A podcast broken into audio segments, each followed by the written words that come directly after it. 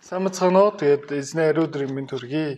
Дэлхийн зөвлөн бүрээс бас эзэн алдрыг өгж байгаа хүн бүрийн дээр та бүхний дээр бас эзний ариун сүнс түүний нэгүсэл бас дүүрэн бахалтгаа гэж ерөөж байна. Тэгээд өнөөдөр та бүхэндээ сэтгчнэн гэр бүл болон хүүхд хүмүүжлийн талаар та бүхэндээс эзний үгийг дамжуулах чинь тэгээд Эфес 6:1-ээс 9 гол ишлэл 6:1 Хүүхдүүдээ эзэн дотор эцэгтэй дуулууртай бай. Энэ нь зөв юм.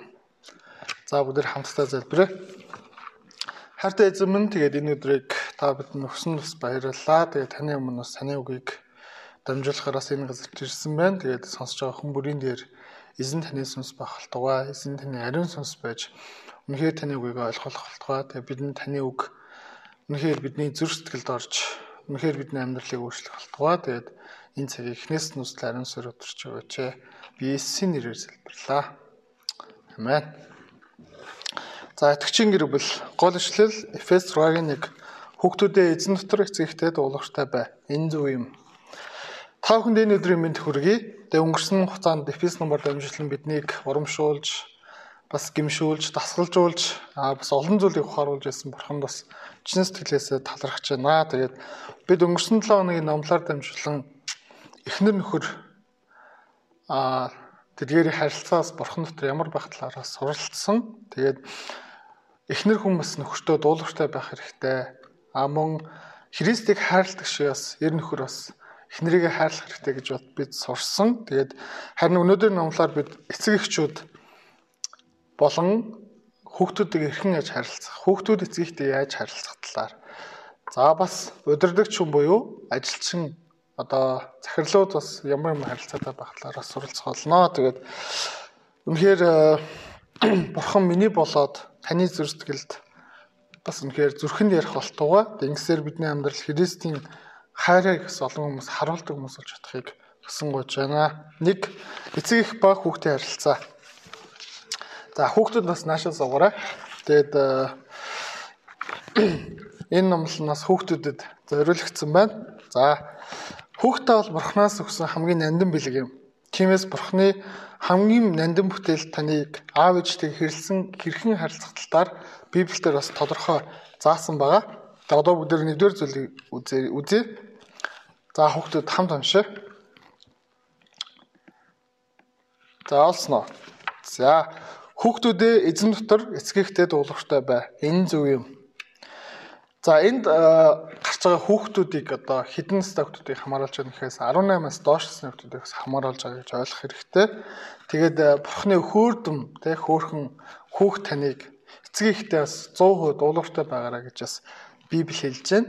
Тэгээд бурхан хэлж байгаа учраас аав ээжтэй бас дуулуургүй хандаж болохгүй. Тэгээд дуулуургүй хандахын тулд одоо дуулууртай хандахын тулд энд ямар нэгэн сонголт байхгүй. Тэгээ бас өөр ямар нэгэн болцол тавиагүй. Тэгээ чиний хүссэн одоо зүйлийг авч өгч байвал дуулууртай байгаарай гэж Библи хэлээгүй. Хичээлээ хийхгүй найзуудаа тоглож эсвэл гар утас болон компьютер тоглоом тоглолбол өгөнд нь сайн орж орж дуулууртай байж болно гэж юусоо бурхан хэлээгүй. Тэгээд зарим үе сэтгэлчин гонхтой байж аав ээжийнхээ хэлсэн үгийг одоо дуулууртай дагмааргүй санагдчих байсан ч гэсэн бурхан юу хэлсэн бэхээр тэр үе ч гэсэн та нар дуулууртай хандаарай гэж хэлсэн. Тэгээ зарим тохиолдолд магадгүй гэрийнхээ ажил хиймээргүй санагдчих магадгүй те аяга угаамааргүй эсвэл одоо яг тий хогой шүрдмээргүй санагч те яагаад тэгэхээр энэ зүйлийг хиймээргүй санагчилсан ч гэсэн танай аав ээжтэй нь хийгээрэй гэж хэлсэн бол бүх хүүхдүүд яг адилхан хийх хэрэгтэй гэдгийг Библи хэлж байна. Тэгээд э, ямар ч нөхцөл байдал донд байсан Бурхныг хайрлах хараар эцэгтэй дуулууртай хандах хэрэгтэй. Харин эзний хүслээс өөр христэглээс холдуулах зүйлийг зааж байгаа бол дуулууртай байх шаардлагагүй гэж хэлж байна. Тэгээ энэ мэдээж э, эцэг их нь христ итгэдэггүй бас гэр бүлийн хүүхдүүдээс хамааралтай те. Тэгээд таны аав ээж нь цуглаанд битгий яваа. За эсвэл христийн одоо хөрлөлд битгий очоо тийм хүүхдтэй нь хөрлөж болохгүй гэж хэлж байвал энэ зүйлийг бас дуулууршаад байх шаардлагагүй гэдгийг хэлж байгаа. Тэгээд а учир нь одоо нэгдүгээр ишлэл дотор юу хэлсэн бэ гэхээр а одоо эзний дотор гэж онцлсан байгаа учраас бурхны хэлсэн үгийн дагуу тэднийг хүндлэх хэрэгтэй. Тэ тэгэхээр та бүхэн бас энэ зүйлийг аягүй сайн сураарай. Эзний дотор гэдэг нь болохоор яг бурхны хэлсэн үгийн дагуу эцэг ихтэй маш их тулгартай байх хэрэгтэй гэсэн үг. За тэгээ энэ юг хэлж байгаа гэхээр бүх зүйлээс илүү Есүсийг дагаж байгаагаас харуулж байгааг хэлж байна. Тэгээ өдөр болгон Библи уншиж бурхны үгийг уншсаар бурханд хайртайг харуулж чадах юм. Эцэг их болсон бид бурхны хүүхдүүд. За аав ээжүүд одоо бид нар ч гэсэн бас бурхны хүүхдүүд байгаа. Тиймээс бурхны дотоосон ийм зэгцийн дагуу мохоодын эцэгтэй ч гэсэн дуулууртай хандаж тэднийг бас хайрлах хэрэгтэй. Христ дотор тэдэнд дуулууртай байгаагаа тэдний төлөөх залбирал болон үйлчлэлээр харуулж чадахыг өсөн гож байна. За тэгээд э, ер нь эцэгтэй дуулууртай байгаа хүүхдүүдэд бас юу тохиолдож болох вэ? За тэрийг бас Библиэд нь хэлсэн. За тэгээ одоо бүгдээрээ 2 болон 3 дахь зүйлийг хамтдаа уншъя. За хүүхдүүд хамт уншиж шүү надтай. За олсон хамт уншъя. Эцэг эхээ хүндэл энэ бол амлалт бүхий ихэнд тушаалгаад энэ чамд сайн бөгөөд чиглэлээр урт насдах болно гэжээ. Эндээс эцэг эхтэй дуулууртай түүний үгийг одоо дагснаар ямар гайхамшигтай зүйл, ямар гайхамшигтай амлалт биелэх талаар та бүхэн одоо хуваалцах байна. Нэгдүгээр энэ нь чамд сайн. За бурхны үгийн дагуу эцэгтэй дуулууртай хандсан нь хандаж байгаа нь энэ нь чамд бүх талаараа сайн гэдгийг бас Библи хэлж байна. За сургаалт үгс 10:55 дээр эцгийн сургамж мунхагт эс тоомсорлогдох түүний гисгэлийг хэрсүү нэгэн сахих. За энийг ингээд илүү тодруулж те ингээд энгийн үгээр хэлэх юм бол эцгийн сургаалаа сургамжийг одоо те заавар зөвлөх авдаггүй нь мунхаг нэгэн гэж тооцогдгоо. Тэ тэгээд түүний гисгэл буюу одоо сахлагжуултыг үл тоомсорлох нь бас хэрсүүнийг нь хамаарахгүй гэдгийг бас хэлж байгаа. Тэгээд дээр гिचлээс харуул эцгийнхээ сургаал зөвлөгөөг мунхаг хүүхэд нь тоодгүй гэж хэлж байна. Цаашлаад хэлсэн сургаал зөвлөгөөнд нь анхаарлаа хандуулдаггүй гэсэн үг юм. Харин хэрсүү ухаал хүүхэд яадаг вэ гэхээр эцгийнхээ үг нь маш сайн ордог гэж хэлж байна. Тиймээс цаг ямагт аав ээжийнхээ үгэнд дуулууртай хандахыг хичээгээрэй. Тэгээд аав ээжтэй гэр орныхоо ажлыг хийснээр бас тусалж болно. Тэгээд бурхан юу хэлсэн бэ гэхээр аав ээжтэй тусалж байгаа нь энэ нь чамд сайн гэж хэлсэн. Ингэснээр чи эрүүл чирэг ажилласныг юм болж өснө. За аав ээжийнхээ хэлснээр хичээлээс хичээлээс шархуу сайн судлах хэрэгтэй. Тэгээ бас гадаад хэлийг бас сайн сурах хэрэгтэй. За тэгээ энэ дэр энэ нь болохоор юу ч хэлсэн мэхээр энэ чам сайн бөгөөд хизээ нэгэн өдөр ашиг цасаа өгөх болно гэж хэлсэн. Тэгээ аавч хэлснээр ном сайн уншаарай. Тэгээ энэ бас чамд сайн. Ингэснээр чиний ой тогтоо сайжир сэтгэн бодох чадвартай сайжрах болно.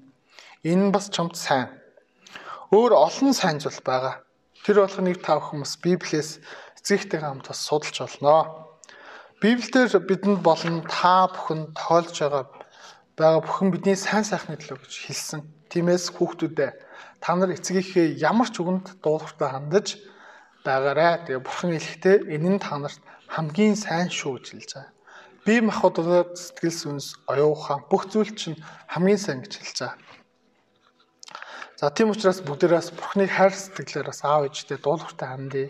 Тэ өнөөдрөөс эхлэн маш сайн дуулууртай бодлоос харуулаарай гэж хүсэж байна. За хоёрдугаарт нь болохоор Бурхны хүслийн дагуу эцэг ихтэй дуулууртай хандах нь ямар шагналыг авчрах вэ гэхээр дэлхий дээр урт настах шагналыг авчирна гэж хэлсэн. За тэгээд ер нь бол хүүхд болгон те хүүхд гэхгүй бас том хүмүүс ч гэсэн бас мэдээж урт наслахыг хүсэж байгаа те. Тэгээд урт насласаар энэ дэлхий дээр ямар гайхалтай зүйлүүд болж байгаа гэдгийг бас үнээр харахыг хүсдэг. Харин дэлхийн ертөнцийг оргуу хоосоос бүтээсэн бурхан нэгэн нууцыг гэсэн хэлж байгаа. Тэгэхээр хүн болгон ямар тохиолдолд яавал уртаслах вэ гэдэг тэр нууцыг бас бурхан Библиэр бас хэлсэн байна. Тэгээ энэ нь болохоор энэ одоо нууц нь юу гэхээр ээж аавтар дуулууртай байх юм бол чи урт наслах болно гэдэг бас амлсан. Энэ амлалттай бурханы амлалт байна. Тэгээ тэднийг жижигчин сэтгэлээс хайрснаар бас урт наслах болно. За хин хэдийн хугацаанд энэ дэлхий дээр амьдрахыг хинч мэдэхгүй. Тэгээ шинжлэх ухаантай бидний бас одоо судлах дуртай шинжлэх ухаан ч гэсэнд яг за насаа тэдэн жил амьдрнаа гэж ерөөс хэлж чадахгүй. Тэгээ харин бид нар юу байх вэ гэхээр эцэг ихэд дуулууртай байж тэднийг хайрснаар энэ дэлхийд туслаа гэдгийг бас Библи бурхан бас хэлж байна. Тэгээд энэ үнэхээр гахалтай амлалт. За тэгээ гэр бүл болоод өрх тусгаарлсан ёс үедээ ч гэсэн эцгийнхээ сайтар асран хамгаалж хайрлах хэрэгтэй, эргэж тойрох хэрэгтэй. Ингэх юм бол чи энэ дэлхий дээр урт таслана. Тэгээ бурхныг мэдхгүй найз чинь энэ нууцыг мэдхгүй. Тэгээ тийм учраас бурхныг мэддгүй найзууд чинь те эцгийхтэй дуулууртай бай. Дуулуургүй хандж байгаа бол тэднийг бас дуурайч хэрэггүй. Тэдний үг нь бас автагдаж хэрэггүй гэдгийг бас энэ хэлхийг хүсэж байна. Тэгээд харин эсрэгээр яах хэрэгтэй вэ гэхээр нөгөө найзтай очиж Есүс Христийн талаар сайн гэрчлэх хэрэгтэй. Бас чи өөрөө яах ёстой вэ гэхээр эцэгтэй дуулууртай байгаа бас найздаа харуулах хэрэгтэй. Ингэснээр яах вэ гэхээр чи Есүс Христийг илүү сайн гэрчилж Бурхны энэ амлалтыг бас найздаа бас танилж чадах юм аа гэдгээс энэ хэлхийг хүсэж байна. Тэгэд э, бидний бас хамгийн гол олох зүйл нь юу гэхээр энэ газар дэлхий дээр урт наслд сайхан амьдрна. Ээж аахаа өгөн дуулууртай хандахыг бас хүсэнгуйж байна. 2 дугаар хэсэг бурхны тогтоосон хүмүү хүүхдийн хүмүүжил.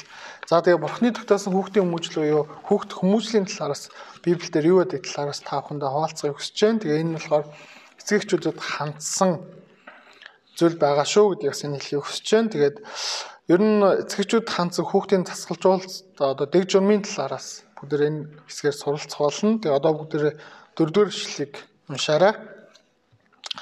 За хамт уншия. Эцгүүдээ та нар хүүхдүүдэд чучаан урлуулж болохгүй. Харин тэднийг эзэдэг журам ба сургамжтойр хүмүүжүүл. Хүүхд хүүхдийн үүргийн талаар ярьсны дараа Паул одоо эцгийнхин үүргийн талаараас ярьж байна. Тэгээ энд онцлох гол зүйл нь юу гэхээр эзний дэг журам гэж юу вэ? Сургамж гэж юу вэ гэдгийг бас илүү онцлохыг хүсэж байгаа. Тэгээд э, ер нь эцэг хүүхдийн гол одоо анхаарах ёстой зүйл нь юу вэ гэхээр тэдэнд хансан сэтгэл сургамж нь хүүхдүүдэд дуулууртай байдал сургах юм. Ингэснээр хүүхэд өсөж томрох үедээ Христэд дуулууртай байж чадна. Аав ээжтэй дуулууртай хандж байгаа хүүхэд Христ Христэд одоо амьдралынхаа бүх цаг үеийн туршаас дуулууртай хандж чадна гэсэн үг. Тэгээд бид нар бас хүүхдүүдэд ингээд хүмүүжүүлэх явцад те бидний гаргаж байгаа хандлага зүрхний чин хүсэл юу байх хэрэгтэй вэ гэдгийг аюулсан бодож үзэх хэрэгтэй тий. Тэгээд хэрэв өөрийгөө хайрлах эсвэл одоо аав ээж нь учраас энэ бүх надад захирадах ёстой гэж бодож одоо тийм байдлаар хүүхдүүдийг сахилгажуулж байгаа бол бид гимших ёстой. Харин үүний оронд яах ёстой вэ гэхээр зөөлөн сэтгэлээр хандах хэрэгтэй. Хайр дотроос хандах хэрэгтэй. Тиймээс хүүхдийг бурханд 100% одоо ингээ те бид нар даатгаж сурах хэрэгтэй. Тэгээд хүүхд бол одоо ямар нэгэн эцгийнхээ өмч биш байгаа те Хүүхдээ ерөөсөө бидний өмч биш. Бас бидний хүүхд биш ээ гэдэг дээр бас а бодож үзвэл те энэ бол бурхны хүүхд гэдэг дээр хариултыг таавахын бас олох болно. Тэгээд бид хүүхдүүдийгээ те бурхан 100% даатгаж бас сурах хэрэгтэй. Тэгээд энэхүү номлыг бэлдэх явцдаа би дараах 7 зүйлийг бас сурсан. Тэгээд та бүхэндээ бас хуваалцах хүсэж байна. Тэгээд нийтээ бол нэглээд 15 зүйл байсан баа. Тэгээд тэрийг ингээд одоо нийлүүлээд 7 болгосон байна. Тэгээд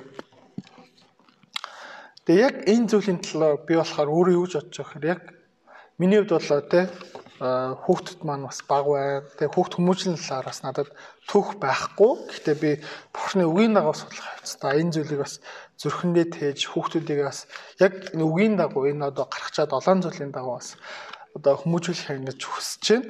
Тэгээ энэ зүйлийг бас хэрэгжүүлж чадахын талаас гооч байна. Нэгдүгээр түүхтэй хэвчээ гэхээр төрсэн цагаас нэхлэн бурхан зориулах хэрэгтэй гэдгийг бас Библи хэлж байна. За дахиад хэлье. Нэгдүгээрт нь хүүхдийг төрсэн цагаас нь бурхан зориулах хэрэгтэй. За энэ талаар түүх болохоор 1-р Самуэль 1-ийн 28 дээр ингэж бичигдсэн байна. Тиймээс би ч мөн энэ хөвгүнийг эзэн зориулсан юм аа. Энэ хөвгүн амьд байх цагта эзнийг болоогүй. Тэр тэнд эзэн нөмрөгөө. Энэ түүхэнд болохоор хаанагийн те хаана ингээ уцтал хүүхдээ болоогүй талаас эзэн амлалт өгч залбирсны дараас Самуэлийг төрүүлсэн. Тэгээ Самуэлийг төрүүлсний дараас хаанаас хэрхэн бурхан залбирч байгаа талаараас гарч जैन. Тэгээд бид бурхны хүүхдийг түүнд бүрэн зориулсан сэтгэлтэй болох талаар энэ хэлж байгаа. Тэгэхээр хүүхдийг яг ингээд бурхан зориулж те энэ бол бурхны хүүхдээ гэсэн хандлагаар одоо хандах хэрэгтэй гэдгийг бас хэлж जैन. Тэгээд хүүхдийг бага наснаас нь эхэлж бурхан ариун сүнс Есүсийн талаар зааж одоо заахыг бас Библи уриалж байгаа. Тэгээд ингэснээр хүүхд бурхнаас юм ихийг сурнаа. Тэгээд цаашлаад гим нүглийн талаараас ойлгож ухаарна. Тэгээд бас гмийг үзий ядаж усна. Ингэснээр бурхан гим нүглийг шийтгдэг гэдгийг бас эцэст нь ойлгоно. Тэгээ тиймээс бүгдээрээ бас бурхан хүүхдүүдээс аль болох эртхэн хувьчилсан итгэлийг бас тэдэнд заах хэрэгтэй. Тэгээ 5 нас, 6 нас, 7 нас, 14 нас гэж хүлээх шаардлага байхгүй. Тэгээ хүүхд гидсэн дахасаа эхэлж бас ингээд одоо аав ээжгээ дуу хоолой бас сонсдог гэж одоо шинжлэх ухаан бидэрт хэлсэн. Тэгээ тийм учраас ер нь бол аль болох багаас нь Есүс Христийг заах хэрэгтэй. Бурхан гэж хингийн ариун сүнс хингийн Есүс хин бэ гэдгийг заах хэрэгтэй. Тэгээ тийм учраас Библиэд нь юу шилж байна? Хүүхдийг төрсэн цагаас нь холн бурхан даатгаарай гэж хэлж байгаа. Тэгээ хэрвээ боломжтой бол тэгээ хүүхэд өөрөө хүсэх юм бол усан мотивсэн бас хүтээж болно гэж Библиэд хэлж байгаа. За хоёрдугаарт нь эцгийнхээ үг үйлдэл хайраар тэд өсөнд хоригдог. За тэгээд эцэгчүүдийн дараагийн хийх ёстой зүйл нь юу вэ гэхээр биднээс өдөр тутмын яриа хин нэгэнтэй харилцах, эхнэр хөр хоорондоо ярих яриандаа болохоор болон чимээгөө цагаараа дамжуулан Бурхныг бас хүүхдэд дамжуулах хэрэгтэй гэдгийг би сурсан. Тэгээ энэ юу юу гэсэн үг вэ гэхээр ер нь л бид бид ингээд яг амнаас гарах үг бүрээ ингээд Бурхны үгээр байх хэрэгтэй Тэгээ бурхны үгийг бас хүүхдүүдэд заах хэрэгтэй гэдгийг сурсан. Тэгээд бидний хэлж байгаа үг үйлдэлийг хараад тэд бас бурхны үгээр өсөн төрнөж хайр дотор өснө гэдгийг бас Библиэд нь хэлж байна. Тэгээд бидний хамгийн гол хийх ёстой зүйл нь юу гэхээр үлгэр дуурайл болж ятхан урамшуулах хэрэгтэй гэдгийг бас Библи хэлж байна. Тэгээд энэ зүйлийг хийснээр бас хүүхд залбирлаар өсдөг. Залбирлын амьдралыг бас үлддэг тэр нэгэн гахалтай нэгэн болж өснө гэдгийг бас Библи хэлж байна. Тэгээд Ром 12:12-д На ингэж хэлсэн ба найдвар дотор баярал золондор төвчөртэй бай. Залбиралд өөрсдөө зориул. Тиймээс бид хэр их өөрсдөө бурхандаа уулзах цаг зориулснаар дамжуулан хүүхдийн минь амьдралын үр жимс ч гэсэн үүгээр харагдана. Тэгэхээр бид хэр их залбирснаар дамжуулан те хүүхдүүдэд бурхан өргөж хэр их залбирснаар бид хэр их залбирч байгаа бурханд харуулснаар хүүхдүүдийн минь одоо сүнсний үр жимс амьдралын үр жимс нь үүгээр харагдана гэдгийг сурснаа талархаж байна. За тэгээ хүүхдүүдийн одооноос эхлэн бас тасралтгүй залбирдаг хүмүүс болгоцгой. Тэгээд залбирлаар дамжуулан бас хүүхдүүдэд бурхан дөрөв хүмүүс болохыг гож байна. Гуравдугаарт нь бурхны ажлыг гэрчлэхэд нь урамшуулах хэрэгтэй. За тэгээ бурхантай хувийн харилцаа тогтоосон хүүхд бүхэн түүний ажлыг гэрчлэх хүсэлтэй болдог. Тэгээ яг Есүс Христтэй нүр нүрээр уулзсан Есүс Христийг өөрийн аврагчаар бас хүлэмжшүүлсэн хүүхэд ямар онцлогтой болдог вэ гэхээр түүний ажлыг гэрчлэх хүсэлтэй болдог байна. Тиймээс одоо энэ ертөнцийн дээр бид бол харийн хүмүүс буюу төр оршин суугаа гэдгийг байнга хэлж ухааруулах хэрэгтэй гэдгээс Библиэд нь зааж байна. Тэгээд хөгт бүхэн энэ дэлхий дээр Бурхны онцлогоо онцгой төлөвлөгөөг гүйцэлдүүлэхээр ирсэн гэдгийг нь бас сайн тайлбарлаж хэлж ухааруулах хэрэгтэй гэдгийг зааж байгаа. За дөрөвдүгüрт нь дэлхийн чавин тансаг байдал болон хормон нөхөрлөөс хамгаалах хэрэгтэй гэж байна. За нэгдүгээрийнхэн 2.15-д ингэж хэлсэн байгаа. Хорвоо хийгээд хороогийн юмс бүү дурлаа. Хин нэгэн хорвоо дурладаг бол түн эцгийн хайр алга гэж хэлсэн байгаа. Тэгээ муу нөхөрл болон хит хансаг хэрэгцээ нь хүүхдийн ирээдүг харлуулж Бурханаас болох аюултай гэдгийг бас Библи хэлж байна. Тиймээс дэлхийн эд зүйлс алдар нэр хүнд за тансаг амьдрал төр зүрх гэдгийг бас бид нар хүүхдүүдэд сайтар ухааруулах хэрэгтэй байна.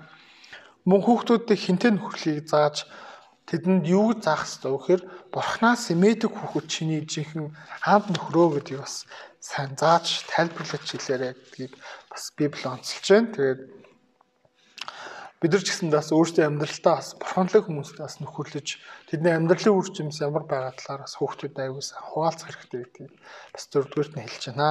За тавдугаарт нь бурхан хэлэх үг болоод үйл бүрийн энэ байнга харж байгаа гэдгийг хүүхдүүдэд сануулах хэрэгтэй гэж байна. Тэгээд өдөр тутмын амьдралд чи юу хийснэд хийж байгаа ямар үг хэлж байгааг чинь бурхан үргэлж харж байгаа шүү гэдгийг бас тэдэнд байнга сануулаарай гэдгийг бас Библи хэлж байна. Тэгээд дуулал 139 1 2 3 юу хэлсэн бэхээр за би та бүхэн уншчихъя. Аяа эзэн та намайг судлан мэдлээ. Миний сууж босхийг та мэддэг бөгөөд хаах болоос санаа бодлоод минь ойлгодог. Та миний зам мөр хийгээд хөвтгийг минь ч наривчлан үзэж замналт бүрийг минь сайн мэддэг За тэгээ бидний хэлэх зүйл нь болохоор юу вэ гэхээр а үг болон үйлдэл мань бурхны өмнө гэдгийг ухааруулж харуулах хэрэгтэй гэдгээс энэ хэлж байна. Тэгснээр тэд бурхнаас эмээдэг зүвт нэгэн болж өсөх ба зүвт байдлын төлөө бас үнэхээр тесвэрлдэг хүмүүс болно гэдгээс энэ хэлж байна. Тэгэхээр одоо хүүхэд зөв амьдрснаа бурхны үгийн дагуу амьдрснаа яах вэ гэхээр одоо найз зөвтөөс нь эрэхтэй үл итгэдэг хүмүүсээс ирэх тэр одоо зөвхт байдлын төлөө хавчлагыг бас төсвөрлөдөг болно гэдэг бас энд онцлог бас хүсэж байна. За тэгээ 6 дугаарт нь болохоор эцэг их нэгэн зөрчилдөхлөөр сахилжуултыг гүйцэтгэх хэрэгтэй гэж байна. Тэгээ энэ нэлээд тодорхойлолт өгсөн үгээр эцэг их хоорондоо хуваагдаж болохгүй. Одоо тэрний зөв байсан, чиний зөв байна, миний зөв байна гэдэг хүүхд хүмүүжлэгтэлтэй сахилжуулалт талаараас хэрэлдэж болохгүй. Тэгээ нөгөө талаараа бас хүүхдийг одоо би зөв хүмүүжүүлсэн, чи зөв хүмүүжүүлсэн гэдэг байдлаараас хэрэлцэж болохгүй хөө тэгээд дэргэд. Тэгэхээр энэ дээр 6 дугаарт нь юу ч хэлсэн бэхээр эцэг их дэгэн зөрчилдөхлөөр цахилжуултыг гүйцэтгэх хэрэгтэй гэж хэлсэн байна. Тэгээ эхлэл 2.24 дээр ингэж хэлсэн. Ийм учраас эцэг ихээ орхиод их нэртэйг нээж хоёр нэг махт болдог. Иймээс би сэтгэл махбодоор нэгдсэн ихнэр нөхөр хүүхэд хүмүүсийн тал дээр нэгнүнд бах хэрэгтэй гэдгээс энэ дээр хэлж байгаа. Тэд хайр дотор хүүхдүүдэд нэгэн сэтгэлээр хүмүүжлэх хэрэгтэй За бурхан нөхрийн эрх мэдлийг эхнэрийн тусын тулд байхаар өгсөн. За үүний адил эцгийнхээ эрх мэдэл нь хүүхдүүдийн тусын тусад байхаар өгсөн юм аа. Тиймээс эцэгчүүд хүүхдүүдэд зэмлэхтэй болоо сахилгажуулалтаа хүний санаагаар хандаж болохгүй, бас хуваагдаж болохгүй. За хүний хайр дотор сахилгажуулахын тулд хичээх хэрэгтэй гэж. Хүний хайр биш, тэ бурхны хайр дотор шүү. За 7 дугаарт нь хүүхдүүдээс ууралтан чичуулж болохгүй. Тэгээд ямар нэгэн байдлаар одоо хүн өөрийн сэтгэл зүрх ч юм уу те одоо өөрийнхөө тухайн үеийн нөхцөл байдал эсвэл одоо зан чанар одоо уур хилэнгээс болж гинттэй хүмүүсээс чочон урлуулж болохгүй гэдгээс энэ дэр Паул хэлж байна. Тэгээд чанга чанга загнах ч юм уу тийм зүйлийг бас хийж болохгүй. Дими зүйл дээр хүүхдүүдийг буруутгах болохгүй, шийтгэж болохгүй. Шаардлагагүй зүйлсээ тэндээс бас нэхэж зовоож болохгүй. Тэгээ бид тэдний хайр дотор болон цахилгаан дотор энэ зүйл зөв хүмүүжүүлэх хэрэгтэй гэдгээс Библи хэлж байна. Тэгээд магадгүй хэрвээ жичэн уурлаас болж тоогтын сэтгэл санаа нь докторгүй болж амархан ууралдаг болохоос боломжтой. Тэгээ энэ зан чанарын авир өөрчлөлт насан туршид нь бас түүнийг дагагч нутгаж их аюултай учраас Паул хүүхдээ генетик гэж байгаараа гэдэг бас энд хэлж байна. За тэгээд энэ долоон зүйлийг бас манай эцэгчүүд бас илүү их сайн анхаарч те өөрсдөө амьдралд хэрэгжүүлж амьдрахыг бас хичээгээрэй. Тэгээд бас библийг судлах явцад маш олон бас олж нээсэн. Тэгээд миний хувьд бол олж ингээд суралцсан байгаа. Тэгээд ер нь хүүхд хүмүүшлийн гол зүйл нь болохоор юу гэхээр хүүхд бүрийг бас бурхантай ариун нэндэ харилцаа тогтоолоход бас сургах, тэгээд тэдэнд туслах хэрэгтэй гэсэн үг. За тэгээ ер нь бол хүүхдийг яг бурхныг бурхан гэдгээр нь бас хүлэн зөвшөөрөхөд туслах нь одоо бидний эцэг болсон хүний үүргээ гэдгийг бас энд хэлж байгаа. Тэгээд сургаалтыг бас 22-ын 6 дээр Ингэж хэлсэн байна. Ёстой замаар нь хүүхдийг сурах тэрээр хөтлсөн ч түүнийг орхихгүй гэж хэлсэн. Тэгэхээр эцэг их бид залбирлын амьдрал амьдарч за бурхан Есүс ариун сүнсний талаар тэдэнд сайтар заах хэрэгтэй. Тэнгисээр өөртөө үлгэрлэн харуулаагүй бол ямар ч үр дүн гарахгүй. Хэлхээс илүүтэйгээр үлгэрлэн харуулахыг чухалчлах хэрэгтэйс бөгөөс хүүхдүүд маань эцсийн өдөр бидний шоолж эцэст нь тэд эсний замаас холдон готхыг таашгүй Иймээс өдөр бүр Бурхныг хайрснаар түнд өргөө зориулснаар үр хөвгтөм нь Бурхны ард түмэн болж өсгийг харахыг хүсэн гож байна. За 3 дугаарт нь өдрөгч хүний хандлагын талаас заасан байна. За энэ болохоор 6 дугаар ишлэлээр байгаа те. Тэгээ шинэ гэрээний үед болохоор боолчл Роми эзэнт гүрэн даяраас өргөн тархсан байжээ. Тэгээ моолуудад маш муугар ханддаг байсан. Тэдэнд ямар ч эрх мэдэл байхгүй бөгөөд тэдэнтэй яг атуустай харилцаж байгаа мэт харилцаж байсан. Харин Христийн үннийг ингээ олж мэдсэн боолууд яасан бэхээр Христ тгсэн. Тэгээ тийм учраас ингээд Христ гэдэг боолчуудад бас ямар хандлага байх талаар бас Паул зааж байна. Тэгээ өнөө үед бол мэдээж хүнийг боочлах те энэ үзэгдэл байхгүй болсон. Гэхдээ Паул Паулийн үеийн эзэд ба боолгод хэрэглэж байсан зарчмыг өнөөгийн удирдагч хүмүүсээс хэрэглэж болно. За 6 7 дугаар ишлэг хараарай. Боолуудаа Христ ханддаг шигэ Та нар махбодын дагуу эзэдтэй чимээхүү бодж ширлэр чин сэтгэлээсээ дуулахтай бай. Энийг хүмүүс бас харин эзэнд хамгийн сайн хүслээр үйлчил. Эндээс харуул Христдэг ажилтан менежер багш инженер хүн дараах гурван чанарыг харуулдаг байсаар бурхан алдар өргөж чадхайжээ. Нэгдүгээрт нь Христэс эмэх. Хоёрдугаарт нь болохоор чин сэтгэлээсээ дуулахтай байх. Гуравдугаарт нь хамгийн сайнараа үйлчлэх. Дээрх гурван хандлагыг бид ажилчин үнэт захирлуудаа засаг захиргааны удирдагчид цаашлаад чуулганы удирдлагад харуулах хэрэгтэй юм аа. Тэгээ авах цалин үйлс тэтгэлэг хангамж, байр, машин, орон сууцны тухай бодох биш, бусдад буюу ажил олгогчдод юу өгч болох талаараа бас бодох хэрэгтэй. Ажилчин ажил олгогчийн төлөө хэрхэн сайн ажиллаж болох тухайгаа л бодох хэрэгтэй зааж байна. Бурхан танд өгсөн ажлыг чин сэтгэлээсээ хийж чадахгүй бол гимших хэрэгтэй ёс төдий буюу цалиахын төлөө ажиллаж байгаадаа ч бас гимших хэрэгтэй. Хүний нүдийг хуурч өдөр хоногийн арайхийн өнгөрөн ажиллаж байгаа бол гимших хэрэгтэй. Ийм хандлагатай байгаа бол бурхнаас шагналж байхгүй. Бас хүнээс чагнал өгөхдөггүй. Харин хизээ нэгэн өдөр энэ хандлагаас болж Христийн нэр хүнд унах унана. Тиймээс хэрвээ ийм хандлага байгаа бол бурхнаас чин сэтгэлээсээ гуйгаарай. Чин сэтгэлийг өгч тэр ажлыг үнэхээр үнэн зүрхнээс бурханд харил зүр сэтгэлээр хийхин талаас үнэхээр гуйгараа гэж хүсэж байна. За харин одоо бүгдээрээ удирдлагч хүний хандлага ямар байх талаараа суралцъя. 9 дугаар зүйлийг харцгаая. Эцэстээ үүний адил боолуудаа ханд тэдний болон та нарын эзэн тэнгэрт байгааг мөн тэрээр хэнийг ч ялхарлалтгүйг ойлгож тэднийг бүү айлгаж сүрдүүл. Паул удирдлагч хүний Христэс нэмэхээс сэтгэлээр ажилтан хандах ёстойг хэлж байна. Инхдээ тэднийг ч гэсэн хүндэтгэх хэрэгтэй. Удирдахч байх удирдахч хүнд байх онцлог чанарууд нь болохоор нэгдүгээр тэр одоо ишлэлийн дагуулгаар юу байна гэхээр нэгдүгээр бурхнаас эмэх хэрэгтэй.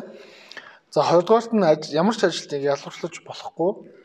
За гуравдугаарт нь болохоор айлган сөрдүүлж болохгүй гэдгээс энд онцолж хэлж байна.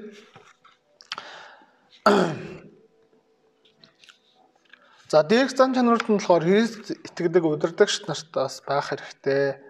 Тэгээ Христ итгэдэг удирдлагч нийгэмд нөлөөлөл нь баг байгаа учраас бас өнөөдөр Монгол улсын ирээдүйс одоо Монгол улсын улс төр болон нийгмийн одоо харилцаа тийм ямар байна вэ гэхээр одоо Христийг эмээд эмээдэг удирдлагч байх бас нийгэм үнэхээр хэцүү байдалтай. Тэгээ ихэнх удирдлагч ер нь бол яаж юм гэхээр татврын мөнгөийг яаж идэх вэ? Яаж хулгаан замаар тэр мөнгийг идэх вэ?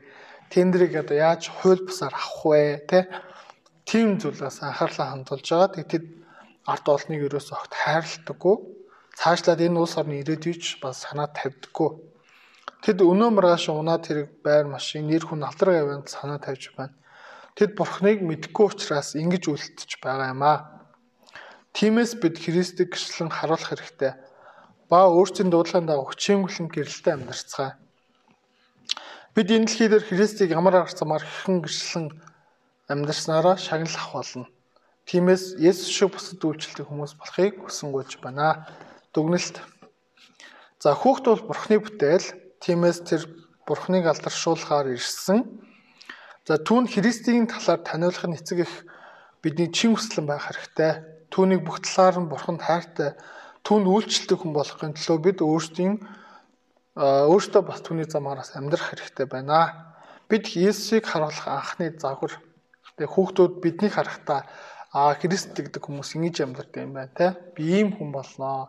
Яг аав шиг ээж шиг ингэж Христ гэдэг хүн болноо. Тэр хүслийг бас авах хэрэгтэй. Тийм учраас эцэг эхүүд минь хичээгээрээ тэгээд хэрвээ бид нар хичээхгүй бол энэ дэлхий болон муу сүнс тэдэнд хэрхэн амьдрах заав. За тэгээд хэрвээ эцэг эхчүүд хичээхгүй бол дэлхий болон одоо муурын сүнс бас тэднийг хэрхэн ээж амьдрахыг бас автоматар зааж эхлэх болно. Тэгээд тийм учраас залбирлаар болон хайраар Бурхны үгийн дагуу өсгөж бас чадахыг бас хүсэнгуйж байна. Тэгээд Бурхан манай хоёр дахь үеийн хүүхдүүдийг маань өрөөж энэ цаг үеийн сүнсний өдөртөгч хончдоор бас өрөөн гэрлэх болтугай гэж гуйж байна. Эзний үрс маш олон болтугай. За баярлалаа. Тэгээд бүгдээрээ хамтдаа залбирая. Хайртай эзэм нь тэгээд таны үгийг бас дамжуулах энэ боломжийг бас өгсөнд баярлалаа. Тэгээд үнэхээр бид таны бидэнд даалгасан хүүхдүүдийг бас эзний тэр хайртай дайчин эзний гахалт хүүхдүүд болгон өсгөхөд та бидний өдөртөж өгөөрэй. Тэгээд бидний үг үйлдэл бас үнэхээр гаргаж байгаа зан хандлага маань ч гэсэн Иесус Христийг гэрчилсэн байхад та өдөртөж өгөөрэй. Тэгээд хүүхд бол бурхны бас бүтээл бас бурхны бидний хэлхээс бас гахалтай бэлэг байна. Тэгээд энэ зүйлийг хамгийн сайнэр хийж чадхад хүмүүрийг өдөртөж өгөөрэй. Тэгээд Энэ цаг эхнээс нь бас ариунсаар өдөрч өгсөн баярлалаа. Бүх зүйлийг танд атгаж Есүсийн нэрээр залбирлаа. Амен.